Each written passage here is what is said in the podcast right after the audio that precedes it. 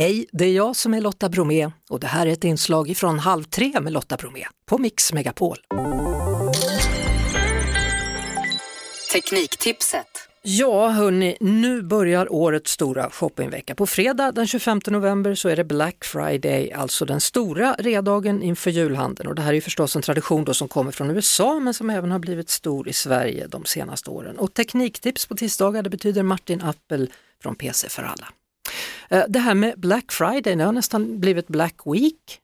Det har ju blivit det, det som i USA började med just en enda fredag har ju i Sverige svällt upp så att redan nu idag så tror jag att vi kan se en hel del reor som har smygbörjat lite. Mm, vi pratade förra veckan då vad de trodde om julhandeln i år då. Och de sa ju att julhandeln kommer förflytta sig lite. Förmodligen kommer många köpa sina julklappar nu då för att spara pengar i och med att det är svåra tider. Det är ju smartare tänker man ju att köpa lite tidigare. Det blir kanske inte lika trångt i butikerna och man kan få saker till lite lägre priser. Så absolut, Black Friday är ju början på julhandeln för många. Men det kan vara lätt att det har ändrats lite prislappar, man har gjort eh, fusk. Det har varit rätt mycket sånt där Ja. fusk gör här att några veckor före Black Friday så höjer man priset så att man sen kan sänka priset och tänka sig att oj det här har sänkts med 40% eller något sånt.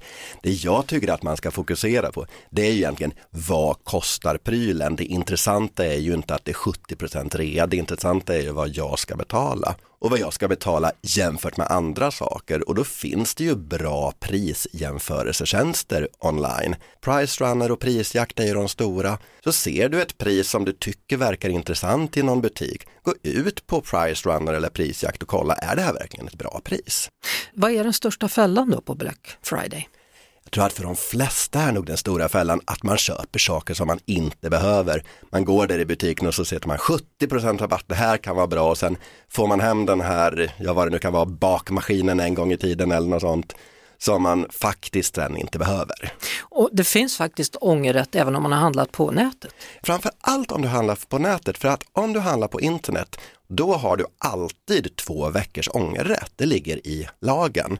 När du handlar i en butik, då är det ofta så att butikerna själva säger att du har öppet köp 30 dagar. Men det är någonting som de gör frivilligt. Du har alltså inte någon rätt till ångervecka i butiken, men det har du online. Vi har pratat om Black Friday då, men vi ska avsluta med att prata om Cyber Monday.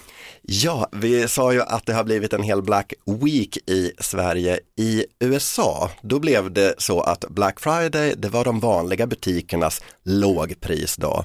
Och då tyckte ju nätbutiken att det här var tråkigt så att måndagen efter Black Friday så kallar de det för Cyber Monday och då är det många nätbutiker som väljer att sänka sina priser då.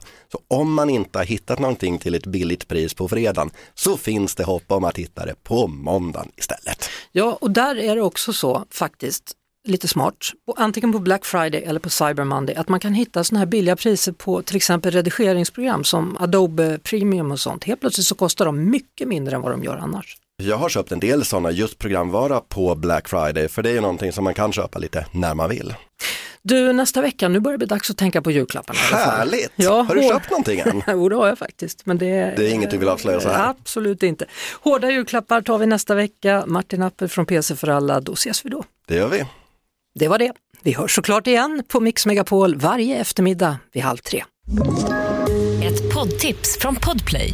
I fallen jag aldrig glömmer djupdyker Hasse Aro i arbetet bakom några av Sveriges mest uppseendeväckande brottsutredningar. Går vi in med hemlig telefonavlyssning och, och då upplever vi att vi får en total förändring av hans beteende. Vad är det som händer nu? Vem är det som läcker?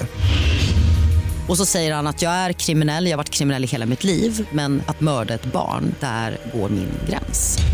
Nya säsongen av Fallen jag aldrig glömmer på Podplay.